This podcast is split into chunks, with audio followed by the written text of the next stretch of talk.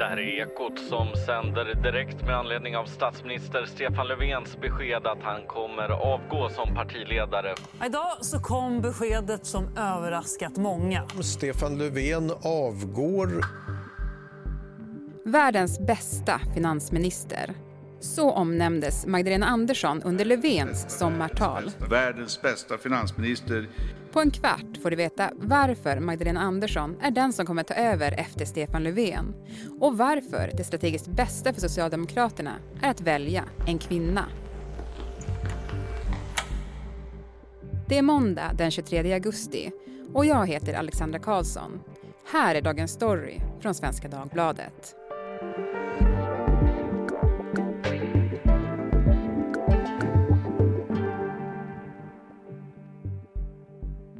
Annie Reuterskiöld, du är ju numera politisk analytiker här på Svenska Dagbladet.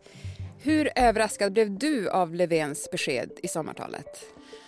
Jag blev väldigt överraskad av ett sms jag fick några minuter eh, innan från eh, Maggie Strömberg som också jobbar på tidningen att eh, det fanns uppgifter på att Löfven skulle avgå. Jag trodde inte att det skulle ske just vid den här tidpunkten. Men det var inte en chock att det skulle ske eh, ganska snart. Jag har meddelat partiets verkställande utskott och valberedningens ordförande att jag vill lämna uppdraget som partiordförande på partikongressen i november och därefter också att be om att bli entledigad som statsminister. Men varför väljer han att kliva av nu då? Det beror på vem man frågar. Om man frågar honom så är det för partiets skull, för att man ska kunna hitta en efterträdare eh, som får tid på sig att gå in i valkampanj och förhoppningsvis då vinna valet. Och även för väljare och partiet att lära känna den personen. Men han fick ju väldigt mycket frågor om det här för det finns ju eh, många alternativa vägar han hade kunnat ta och det är ju eh, bland annat att då försöka vinna valet först. Men det är ju inte en helt riskfri strategi. För om Socialdemokraterna skulle förlora valet, det ser ju väldigt jämnt ut eh, mellan blocken, så är det mycket svårare för Stefan Löfven att se till att eh, det han har skapat under sin tid som ordförande att partiet fortsätter i den riktningen, skulle man kunna säga. För att det finns ju en rörelse underifrån i Socialdemokraterna som vill dra väldigt mycket mer åt vänster än vad man har gjort på länge. Om man ser till partiledningen så är den väldigt eh, Ja, det är många i partiledningen som har en mer högerinriktad socialdemokrati om man säger så. Och analysen är väl den att det skulle vara lättare för den rörelsen att vaska fram en ny partiledare efter en förlust i ett val där det blir krisstämning och där alla vill ha förändring. Sen tror jag också att nu när man pratar mycket om eh, efterträdare så glömmer man kanske lite hur ett parti väljer efterträdare. Det är ett väldigt strategiskt val. Det är mångas jobb som hänger på det här valet och eh, ideologiskt också såklart. Men eh, jag tror också att det ligger strategi i eh, Stefan Löfvens val av tidpunkt. Jag har tidigare varit helt inställd på att fortsätta en mandatperiod till och sen lämna över stafettpinnen. Men det här beslutet har mognat fram nu under en tid. Jag tänkte lite grann att så här, det hade varit schysstare kanske att lämna över stafettpinnen i en mindre turbulent tid. Alltså att eh, hanterat budgeten och stannat över valrörelsen och sen lämnat över. Men då menar du snarare att det här blir en strategi för honom att kunna lämna över till den han vill Ja, kanske för att som det är nu, precis som du säger, så kommer det bli otroligt stökigt. Eh, den här budgetprocessen som väntar nu är ju eh, en väldigt komplicerad historia där den som efterträder honom både ska lyckas få Centerpartiet på sin sida men även Vänsterpartiet. Och då finns det inte så många att välja mellan. Det är då i november på S-kongressen som eh, en ny partiordförande ska presenteras. Och hur ser spekulationerna ut kring vem det kan bli? Ja, eh, i sommartalet eh, så gjorde ju Stefan Löfven en ganska tydlig markering kan man säga. Han nämnde speciellt en medarbetare, nämligen världens bästa finansminister, som han sa, Magdalena Andersson. Det var därför som vi snabbt under den här pandemin med en rustad ekonomisk politik och världens bästa finansminister och hur hon hade hanterat krisen på ett väldigt socialdemokratiskt sätt. Och det, det, det, han hyllade verkligen henne eh, på ett sätt som fick mig att hoppa till där i eh, publiken. Och det är ju fler eh, saker som pekar just på henne och det är ju den vanligaste spekulationen nu. Hon har förhandlat med Centerpartiet i snart fyra år. Men hon har också lett en eh, skattegrupp, en intern arbetsgrupp i Socialdemokraterna som har tagit fram radikal vänsterpolitik, ekonomisk politik. Eh, så att eh, om det är någon som kan föra vidare Stefan Löfvens gärning så är det väl hon, verkar han tänka i alla fall. Och är hon den bästa kandidaten? Det beror på för vad, tror jag att man skulle kunna säga. För att föra vidare Stefan Löfvens eh, tankar om vad Socialdemokraterna ska göra och vad de ska vara så ser det ju onekligen ut så. Men för vänsterfalangen till exempel i partiet så spelar det mindre roll att hon har kommit med de här radikala förslagen. För man ser inte att hon i praktiken har fört den vänsterpolitik som man vill se. Så det där är lite omtvistat beroende på var du står i partiet. Det man inte kan tvista om är faktiskt hennes kompetens. Vi har sällan haft en eh, finansminister som har lyckats övertyga så många om att det hon gör faktiskt eh, beror på kunskap och eh, erfarenhet i eh, yrket. Ja, det var bara en medarbetare som Stefan Löfven nämnde i sitt sommartal. Magdalena Andersson. 2014 blev hon finansminister i Löfvens regering efter en mängd år i politiken. Men redan då var meritlistan lång. Magdalena Andersson har doktorerat i nationalekonomi, hon har varit överdirektör på Skatteverket och sedan årsskiftet är hon ordförande i Internationella valutafondens högsta rådgivande organ, IMF-kommittén. Den första kvinnan någonsin på posten. Och många säger ju att eh, ja, det måste bli en kvinna nu, att det inte kan väljas en, en ny man. V vad säger du om det? Jag tror att det är sant och jag tror att eh, strategerna i partiet eh, absolut vill se en kvinna. Det är inte så konstigt om man tänker efter. Vi går emot en valrörelse där Ulf Kristersson är den stora huvudmotståndaren. Där Socialdemokraterna försöker hålla kvar sina kvinnliga LO-väljare. Många manliga LO-väljare har redan gått till Sverigedemokraterna. Det är viktigt för Socialdemokraterna det här valet, extra viktigt, att locka kvinnorna. Och det finns liksom ingen mer eh, eh, progressivt tydligt sätt att göra det på än att gå fram med Sveriges första kvinnliga statsministerkandidat. Vi, har ju haft en sån tidigare, men det finns ju ett sug efter att se en kvinnlig statsminister. Det, eh, så jag tror absolut att det är någonting som partiet vill se och som även Miljöpartiet vill se, även om de kanske hamnar i skymundan så är det eh, ändå en, en dragkraft även för Miljöpartiet. Och här kommer det kanske verkligen bli Sveriges första kvinnliga statsminister, i alla fall till nästa valrörelse. För man kan väl ändå tänka sig att den kommer att få, få vara statsminister fram tills dess. Och då har vi ändå, i sådana fall, om det blir en kvinna, haft en kvinna i några månader i alla fall. Det är sant, det har jag faktiskt inte ens tänkt på. Men eh, eh det är mycket pekar på det. Då kommer vi äntligen i fatt Finland. ja, precis.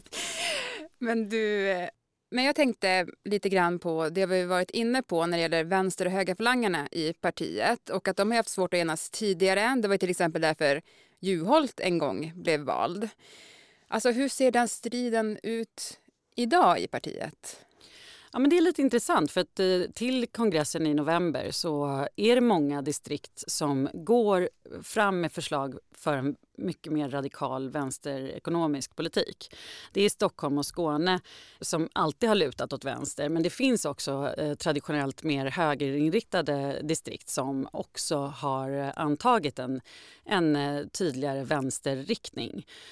Och hela den här coronabudgeten kom ju, det är ju en expansiv budget och Sverige ska återstartas. Så det finns liksom en, en, också en möjlighet att gå fram med en vänsterpolitik. På det sättet så kan man ju då tycka att det blåser vänstervindar och även den här S-föreningen Reformisterna som eh, bland annat Daniel Suhonen eh, är eh, frontfigur för. Det bara rasslar in medlemmar i den eh, Stockholmsföreningen. Så det finns absolut en sån rörelse samtidigt som de politiska möjligheterna pekar mot Centerpartiet. Och den politiska ledningen är fortfarande del av högerfalangen om man ska säga så. Och då kommer vi då till vem kan balansera de här två? Och då tror jag att många svar är just Magdalena Andersson. Eh, men det behöver inte betyda att eh, Socialdemokraterna med Magdalena Andersson kommer gå åt vänster. Det finns många reformer som jag skulle vilja genomföra men som jag inte kan. Men samtidigt är man ju, politik är ju det möjligas konst. Man får ju, svenska folket har ju gett oss det valresultat som vi har. Och då får man försöka göra det bästa av den situationen. Du var ju lite inne på det också att, att Magdalena Andersson då har, har försökt kanske lite blidka vänstern inom partiet i alla fall när det gäller den här skattefrågorna som hon har tagit upp. Men om man ser då i, i det längre perspektivet, alltså kommer sossarnas inriktning mot mitten fortsätta om man väljer Magdalena Andersson på samma sätt som den har varit under Löfven? Ja, i mångt och mycket skulle jag säga det. Eftersom det är den enda vägen till makten som det ser ut just nu. Och det är ändå någonting som är en kliché om Socialdemokraterna men också sant. Att eh, makten och eh, regeringsinnehavet är centralt för eh, Socialdemokraterna och deras självbild. Så att jag tror inte att vi eh, kommer se en eh, stor eh, kursändring efter det här valet. Sen vet man inte vad som händer. Härmed förklarar jag riksmötet öppnat. Det nya riksdagsåret börjar med riksmötets öppnande den 14 september. Senast den 20 september ska regeringen lämna sin budgetproposition till riksdagen. Och i december röstar man om den. När Stefan Löfven lämnar rollen som partiordförande i november kommer han att gå till talmannen och meddela att han avgår som statsminister. Och med det entledigas hela regeringen. Löfven kommer sen att leda en övergångsregering medan talmannen kallar till nya talmansrundor och en ny statsministeromröstning. Och om Vänstern och Centerpartiet fortfarande släpper fram den nya S-ledaren så har Sverige en ny socialdemokratisk statsminister. Ja, men snart drar ju det politiska arbetet igång igen på allvar. Hur ser Stefan Löfvens att göra-lista ut?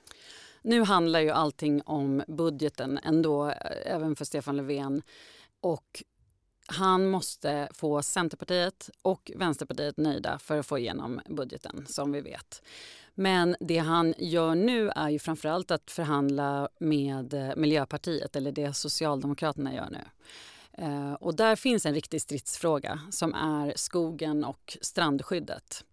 Där Miljöpartiet har om inte blåst till strid så i alla fall kampanjat hela sommaren och gjort det till en av sina viktigaste frågor. Det är också samma fråga som Centerpartiet har ställt som krav men med helt motsatta krav för att stödja budgeten.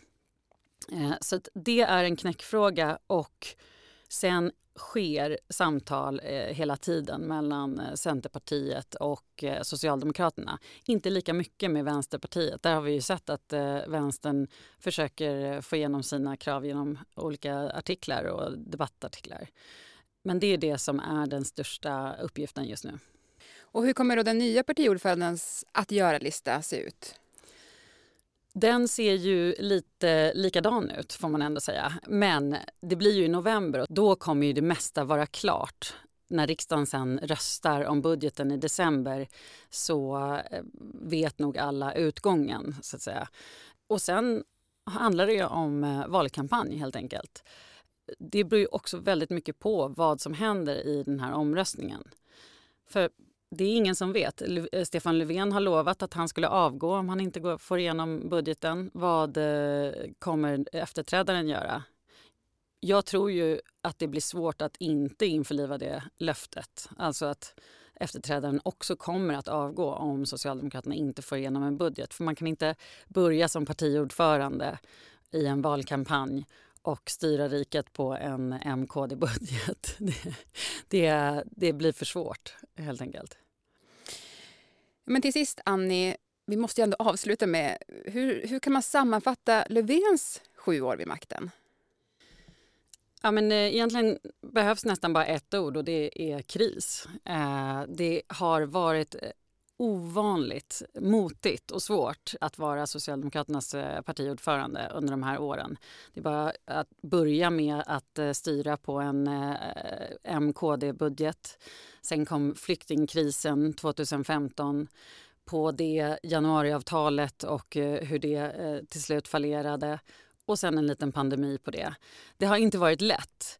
Och det är ju inte för inte som han har fått epitet som utbrytarkungen och eh, mästerförhandlaren. Det handlar ganska mycket om socialdemokratisk eh, spinn men det handlar lite om att han faktiskt har lyckats ta sig ur väldigt eh, krångliga situationer på lite oväntade sätt. Och spelat ett politiskt spel, till exempel när han hotade om nyval och fick alla att ändå vända sig i rätt riktning för vad han ville göra. Så lite politiskt, eh, pragmatiskt eh, hantverk och eh, kris skulle jag säga.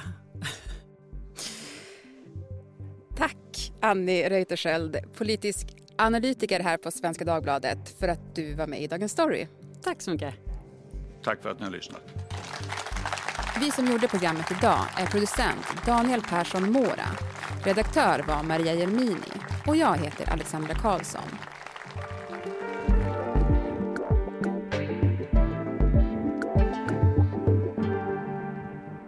Du har lyssnat på Dagens Story från Svenska Dagbladet.